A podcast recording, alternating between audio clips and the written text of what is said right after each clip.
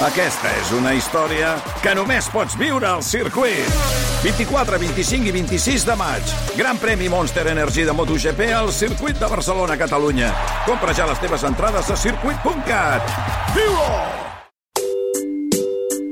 Si us dic Eternal Flame, què és el primer que us ve al cap?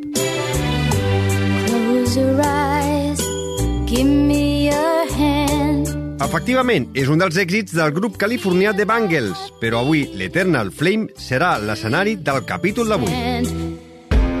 RAC més 1 i Comut, l'aplicació mòbil per a navegació i planificació de rutes, us ofereixen quilòmetre vertical amb Xavi Alujas.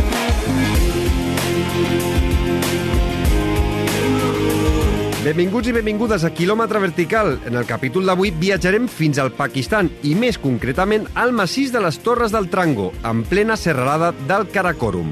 Allà ens trobem la torre sense nom o Nameless Tower amb els seus 6.239 metres d'alçada. És un lloc espectacular, solitari, amb la glacera de Baltoro als seus peus i es troba, atenció, a uns 3 dies de camí del darrer poble habitat, Ascol.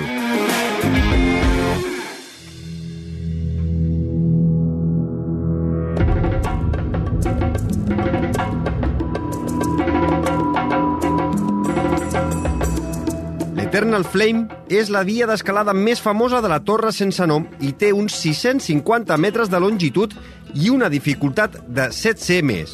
Aquesta via es considera una Big Wall i la va obrir l'any 1989 un equip d'escaladors alemanys format per Wolfgang Gulisch, Kurt Albert, Christoph Stigler i Milan Sikora, que van batejar la via com a Eternal Flame en referència a la romàntica cançó de The Bangles. I, de fet, cadascun dels llargs d'aquesta paret va rebre el nom de fragments de la cançó. Durant dues dècades, la via es va convertir en l'objectiu de molts escaladors que somiaven alliberar-la completament.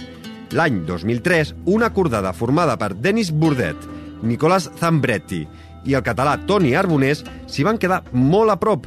Dos anys més tard, però, els germans Pou, l'Eneco i l'Iker també s'hi van quedar molt a prop i van haver de plegar a causa del mal temps. Finalment, el 14 d'agost del 2009, els germans Alex i Thomas Hubert van ser els primers d'escalar en estil lliure l'Eternal Flame, tot i que no van seguir la línia original. El 20 de juliol del 2022, el nostre protagonista d'avui, l'Edu Marín, va aconseguir un dels seus reptes, que l'ha tingut gairebé dos anys ocupat. L'Edu ha estat 28 dies penjat literalment de la paret i per aquest projecte l'han acompanyat el seu pare, en Novato Marín, i el seu germà, Àlex Marín. De seguida el saludem per saber com va viure aquest repte majúscul, com el va preparar i sobretot què n'ha après de tot plegat.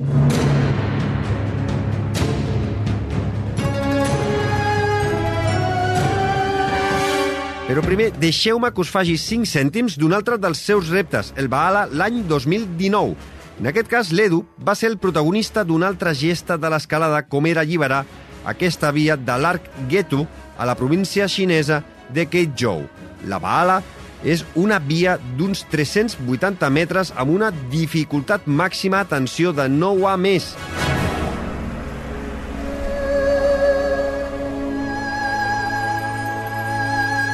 És el sostre més gran del món. Aquest arc té una alçada des del terra, atenció, de 130 metres i té uns 260 metres horitzontals. El que va fer l'Edu va ser escalar l'arc per una banda del túnel i travessar-ho cap avall per tot el sostre fins a arribar a la sortida de l'altra banda del túnel. Si busqueu per internet trobareu molts vídeos sobre aquest repte. Senzillament és espectacular. Gairebé sembla impossible veure'l penjat cap per avall com un ratpenat i l'entorn, atenció, és un lloc idíl·lic.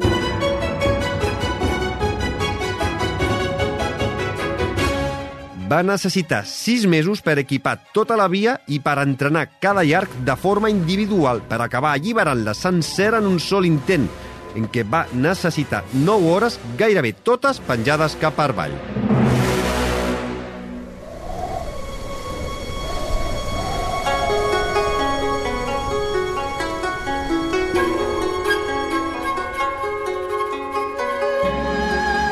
Edu Marín, benvingut a Quilòmetre Vertical.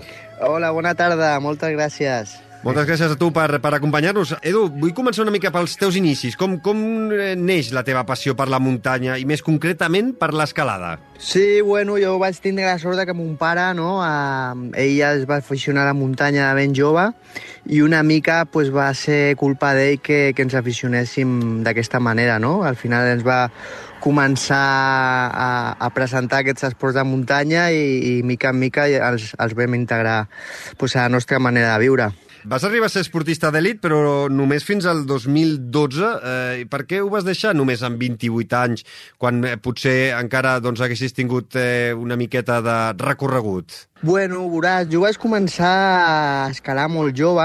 Uh, ara mateix és molt normal no? que la gent comenci molt jove. A, a, aquests anys, fa 20 anys, pues, no era tan normal no? veure un nen en la muntanya. I jo crec que ja els vaig tindre com, com una etapa de competició bastant intensa. Vaig ser campió del món campió d'Europa als, als 16, campió del món juvenil als 17, i vaig començar a entrenar molt d'hora. Llavors, pues, bueno, uh, sí que vaig acabar la meva etapa de competició uh, jove, però també la vaig començar molt jove, i, i la veritat que va ser una decisió en la qual estic molt feliç perquè pues, he pogut gaudir d'unes altres àrees de, de, de, de, de, de lo que és l'escalada, no? I, I bueno, jo crec que to, tota, tota etapa té la seva, la, la seva part romàntica i ara pues, estic centrat en, en, en altres projectes eh, que em fan igual de feliç que la competició. Llavors pues, anem, anem pel bon camí. Mm. I, I ara, per exemple, que el, eh, des d'aquesta aquest, edició passada dels Jocs Olímpics eh, l'escalada és olímpica, eh, doncs no sé, m'imagino, o, o t'ho pregunto, eh, si t'agradaria que eh, doncs, participar als Jocs Olímpics de París el 2024? Bueno, a veure, sempre tens uh, aquestes pessigolles, no?, quan veus competicions i, i se't posa la pell de gallina, no?, amb records i, i, i sensacions, uh, això no ho negaré. Però, clar, uh, anar a unes Olimpiades, uh, això significa entrenar pues, de 6 a 8 hores diàries, uh, centrar-te exclusivament amb això, hipotecar una mica la teva vida i el teu temps en aquesta competició.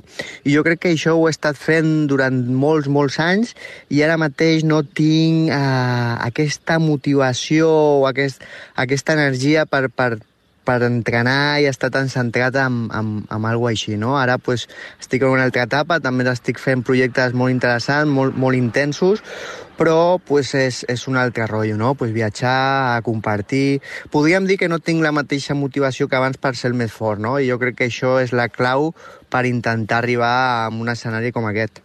Bueno, sí que tens la motivació per eh, complir reptes com el que vas acabar el 20 de juliol eh, d'aquest 2022, que, on vas aconseguir el teu repte de fer cim al Nameless Tower, o torre sense nom, amb de 6.239 metres d'alçada a la serra del Karakorum, al Pakistan, eh, per la icònica via de l'Eternal Flame en lliure.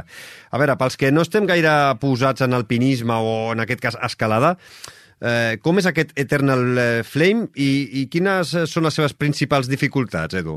Sí, podríem dir que Eternal Flame ja és un big wall eh, amb, amb un time molt...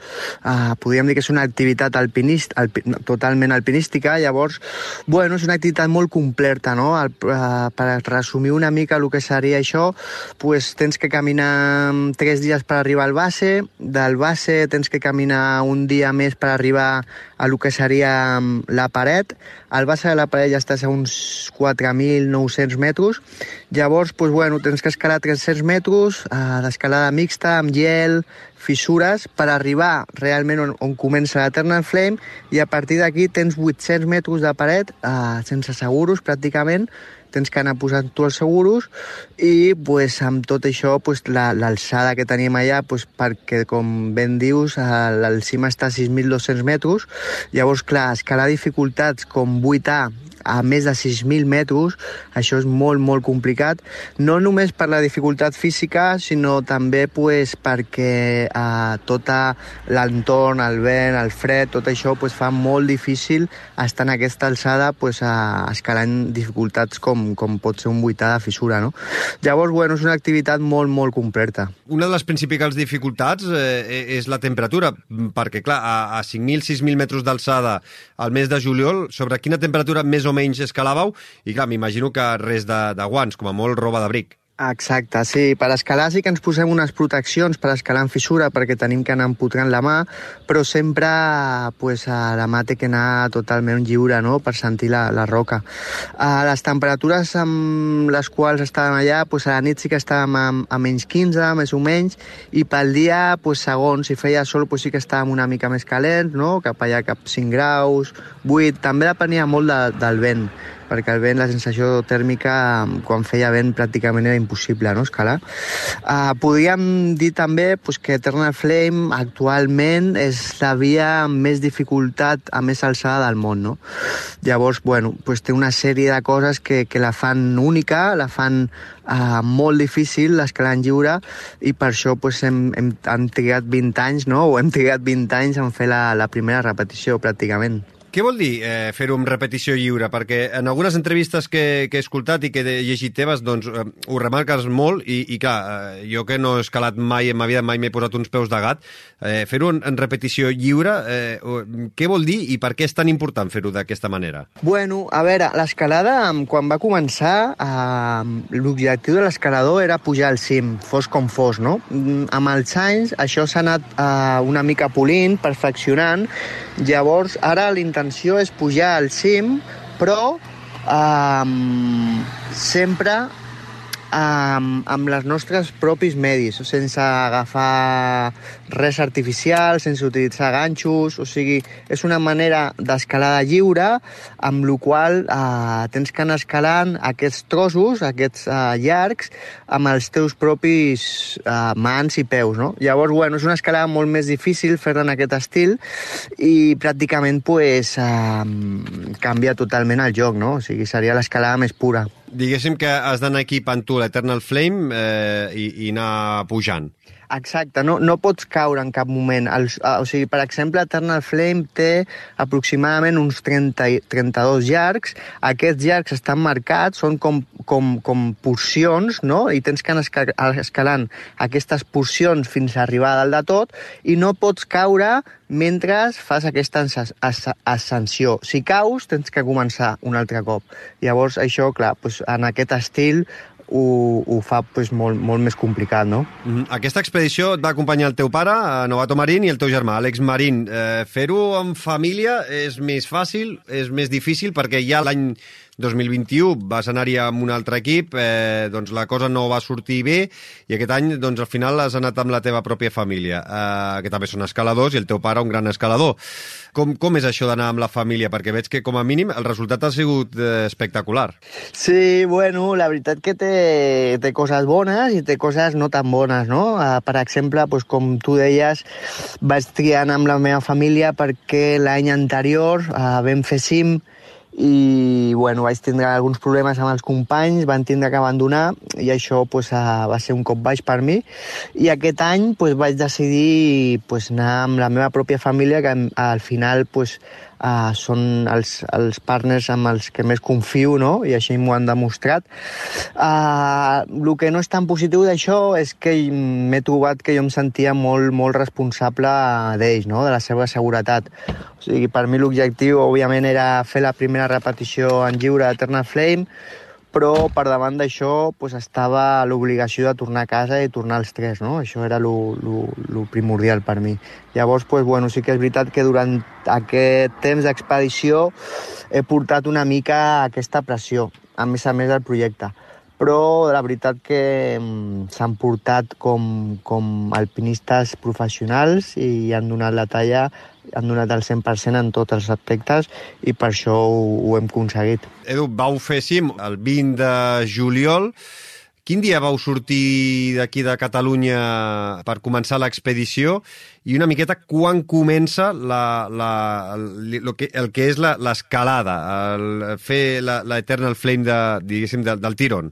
Sí, pues vam sortir de Catalunya el dia 3 de juny, um, vam coronar el cim uns dies abans de tindre que tornar pel, pel bitllet d'avió.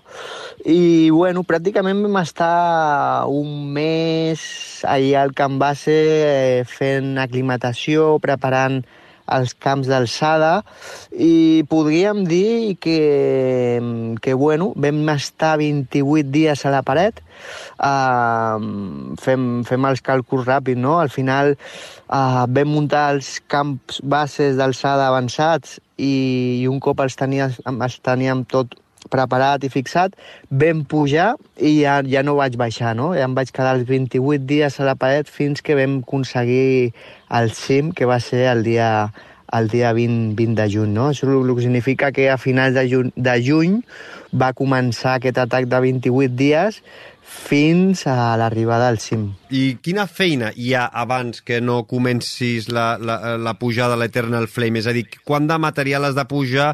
Què és el que has de pujar? Clar, perquè tu en aquests 28 dies que estàs eh, eh, penjat de la paret, que diguéssim que no, no toques eh, terra, clar, eh, has de menjar, has de tenir aliment, has de tenir uns estris bàsics, has de tenir tendes, has de tenir material que necessitaràs per eh, anar pujant, per anar escalant. Eh, tot això, quin material necessites? T'ajuden també, suposo, no? El teu pare, el teu germà... Sí, clar, això eh, és una de les dif grans dificultats d'aquest projecte, no? Al final tenim que pensar que estem a les muntanyes de l'Himalaya. Uh, mm -hmm. Sí que és veritat que portem xerpes, portem uh, cavalls per portar una mica més de menjar, però uh, això s'acaba al camp base, no? Uh, llavors sí que ens van ajudar una mica per arribar al camp base avançat, però després pràcticament nosaltres som autosuficients, o sigui, allí, allà no n'hi no ha ningú. Llavors tenim que pujar a, a la paret, tenim que pujar a menjar, tenim que pujar el gas, tenim que pujar a les tendes, al portaleig, totes, totes les cordes, que vam, vam pujar 800 metres de corda per fixar tota l'Eternal Flame i així poder gravar per tindre un, un documental. O sigui, és el que sempre dic, no? O sigui, no és fer un buità a, a, a 700 metres, a, a quasi 6.000 metres d'altitud, no? És tota l'activitat que tens que fer per arribar a aquest, a aquest, a aquest punt, no? I llavors, eh, depèn, depèn del temps. O sigui, igual portes una activitat de dues setmanes o tres setmanes sense pràcticament dormir, eh, fent activitat durant 12 hores al dia, i després et ve una ventana d'una setmana i tens que continuar perquè saps que quan s'acabi aquesta ventana igual ve un mes amb el temps, no? Llavors tot això es complica, es va complicant amb el cansanci, el mal d'altura, pues, eh, és molt fàcil abandonar no? en, en, enmig d'aquest procés perquè és, és, eh, té una logística molt, molt difícil, no? perquè al final allà estàs sol i, i tens que moure molt, molt, molts quilos. Això també és una de les coses que té eh, aquest projecte. Tu, més o menys, cada dia, quants metres podies arribar a escalar, Edu? Doncs pues veuràs que... Uh, la veritat, sent sincer, sent sincer uh, les dificultats de, o sigui, els, els llargs de la, de, de, de, de l'Eternal Flame, de, d'aquesta paret no són molt difícils perquè jo vinc de la competició, de l'escalada esportiva, llavors tinc un nivell una mica superior. A nivell de, de tecnicisme o dificultat físic, físic no he tingut cap problema, però, però bueno, uh, sí que, com et deia, pues, uh, se, se, se va acumulant el cansanci i, i això va, va fent mella. Edu, ara també estic jo pensant, clar, 28 dies penjat, eh, m'imagino que dormies en vivac eh, penjat com si fossis un ratpenat a la roca, però clar, aquí eh, consisteix en que has de menjar, has de dormir o intentar dormir i descansar, i també fer, jo què sé, la, la, potser les necessitats bàsiques. Tot això, a, a, amb, amb un metro quadrat, com, com tu feies eh, estant dies penjat? Perquè em sembla que també vas a trobar dies de mal temps, no? Sí, sí, bueno, jo vaig... Aquí cadascú juga una mica amb la seva filosofia i la, la seva ètica, no? O sigui, cadascú pot fer diferents mm, tipus de sanció. Jo vaig optar per la més uh, bueno, per un estil una mica més ètic, una mica més, més difícil, no? que és pues, quan, quan et poses a la paret ja no baixar fins que arribis a dalt, no? Llavors això, clar, complica molt més el projecte perquè tens que tindre molta més logística, portar més menjar, portar mm, un bon camp base per aguantar ja tants dies. Llavors, eh, quan vaig decidir de quedar-me allà a, a 5.600 metres durant tant de temps, eh, el meu equip personal em va tocar el telèfon satelital i em va dir que això era molt perillós perquè això em podia debilitar molt per després continuar la paret per arribar al cim, no? I jo els va dir que, que assumia aquest risc, que, que m'havia preparat tot l'any i que estava segur que, que tenien possibilitats de fer-lo en aquest estil, no?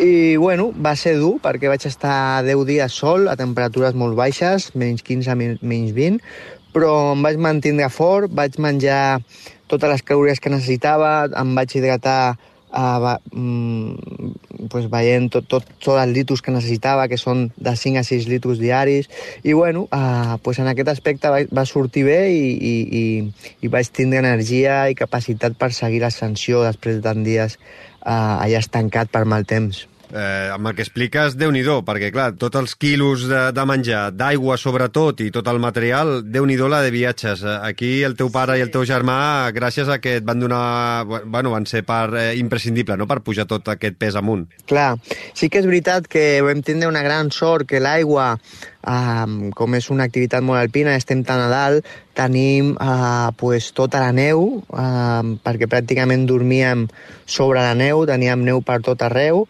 llavors pues, això facilitava molt el fet de no tindre que portar aigua perquè el que fèiem era uh, cu mm, cuinar la neu no? per, per fer aigua i d'aquí pues, ja podíem veure uh, i podíem cuinar, no? Però bueno, pues, teníem que portar tot el gas, tota els jetballs i, i tot el material, no? Però mm. bueno, va, va... sí que és veritat que mon pare i mon germà van ser peces claus en aquest aspecte. Sí que és veritat que mon pare té 70 anys i no pot carregar tant pes, pes com nosaltres, però, però déu-n'hi-do el que va carregar. O sigui que sí, sí, vam, vam posar tot de, de la nostra part. Clar, tu has fred eh, tota l'Eternal Flame. El teu germà i el teu pare, que han pujat i han baixat en moltes ocasions, eh, pujant material, baixant, eh, han fet més metres de, de, de, del que seria l'Eternal Flame? Bueno, veuràs que... Mm, a mon germà segur, perquè va pujar dos cops, crec, i després va pujar un altre cop amb mi fins a... i mon pare estar fins al cim. Llavors jo crec que sí que va,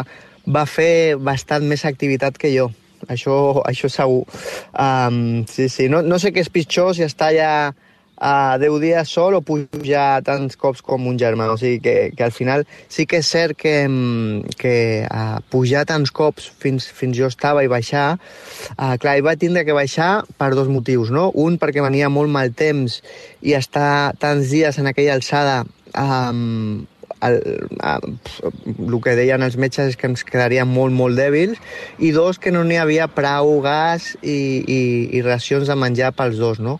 Llavors va tindre que baixar el base i com es va allargar tant la, la finestra amb el temps, va tornar a pujar per pujar-me a mi pues, a, a algú més de menjar que m'estava quedant sense. Llavors, um, per aquest motiu sí que va fer bastanta més activitat, sí, sí. Eh, escolta, què ha sigut més difícil, la part física o la part mental, entrenar aquesta, aquests aspectes per poder fer l'Eternal Flame? Ostres, pues és una, una gran pregunta, perquè um, podríem dir que en aquest projecte um, no he arribat, no he arribat al límit en cap moment, però, però hòstia, ha sigut durillo, eh? Ha sigut durillo en la part psicològica, sobretot, perquè van haver moments molt tensos, no?, de parir, pues, avalanxes, caiguda de pedres, i com deia abans, pues, jo portava una mica aquesta responsabilitat, però per altra part, per altra part també eh, portàvem el cos al límit, no? Eh, Uh, com, como, como suelo decir yo, ¿no? Uh, casi morimos de éxito, ¿no? Es decir, vam tindre finestres tan llargues que uh, no, no, volíem, no volíem descansar. I, I vam tindre que descansar mm, tenint finestra a bon temps, uh, imagina't fin, fins quin punt vam arribar de cansanci de tindre sol i tenir que descansar, no? O sigui, va ser, va ser, físicament també va ser molt dur uh, i, i et puc dir que anava, anava molt entrenat, no? Però, però bueno, um, no sé quina escollir de les dues. I, i com, i com s'entrena ara, per exemple? Estic pensant la part física, uh, qui, com, com et planifiques uh, durant tot un any uh, per poder fer l'Eternal Flame? Perquè m'imagino que, uh, a veure, d'alguna forma he, he vist alguns vídeos teus en els quals doncs, uh, corres també molt. Uh, per què la part aeròbica també és tan important, per exemple, i després la, la, la part tècnica i de força, uh, com, com s'entrena per poder pujar i escalar eh, durant tants dies? Clar. Bueno, cada projecte té una peculiaritat, no? En aquest projecte jo crec que, mm, que no he tingut que entrenar tant la part... Um, la part esportiva no? o tècnica de l'escalada, perquè ja tinc bastant nivell, però sí que he tingut que entrenar en altres aspectes, com per exemple la part eh, de les cames, no? el, tren, el tren inferior, eh, tot el sistema aeròbic, no? perquè al final l'alçada el que et fa eh, és que tens me menys oxigen i amb la qual pues, eh, en seguida pues, et canses no? i es, es dispara pues, les pulsacions. Tots aquests aspectes els, els he anat treballant mm, des de ben inici del, del, de l'any i, i bueno, eh, he anat bastant més parat eh, portava com 4 o 5 quilos més de lo normal perquè sabia que allà eh, pues et, et vas consumint no? eh, l'alçada i tota aquesta activitat, eh, no menjar correctament perquè, clar, no estem a casa, eh, no descansar bé, pues, això et va consumint. Llavors sí que et puc dir que anava una mica com un toro, no? una mica més quadrat, amb més pes i, i en aquest sentit eh, bastant preparat per passar fred i, i, i, i sofrir una mica no? en, en aquest aspecte. O sigui, anava, anava bastant, bastant fora en aquest aspecte, podríem I, dir. I com s'entrena la part mental? Bueno, um, he estat treballant un any a preparant-me, uh, no solament a nivell físic, sinó pues, tot el que el que tens que fer per, per, per crear una expedició d'aquest calibre, no? Pues, al final, dos mesos allà. Llavors, bueno, um, és, és un any en el qual estàs pensant en aquest projecte uh, i, i és un somni, no? Llavors, um, jo crec que, que és un, un, un procés natural i, i al final jo sóc una persona que em costa molt motivar-me però un cop tinc alguna al cap pues ja no pararé fins que, fins que l'aconsegueixi, no?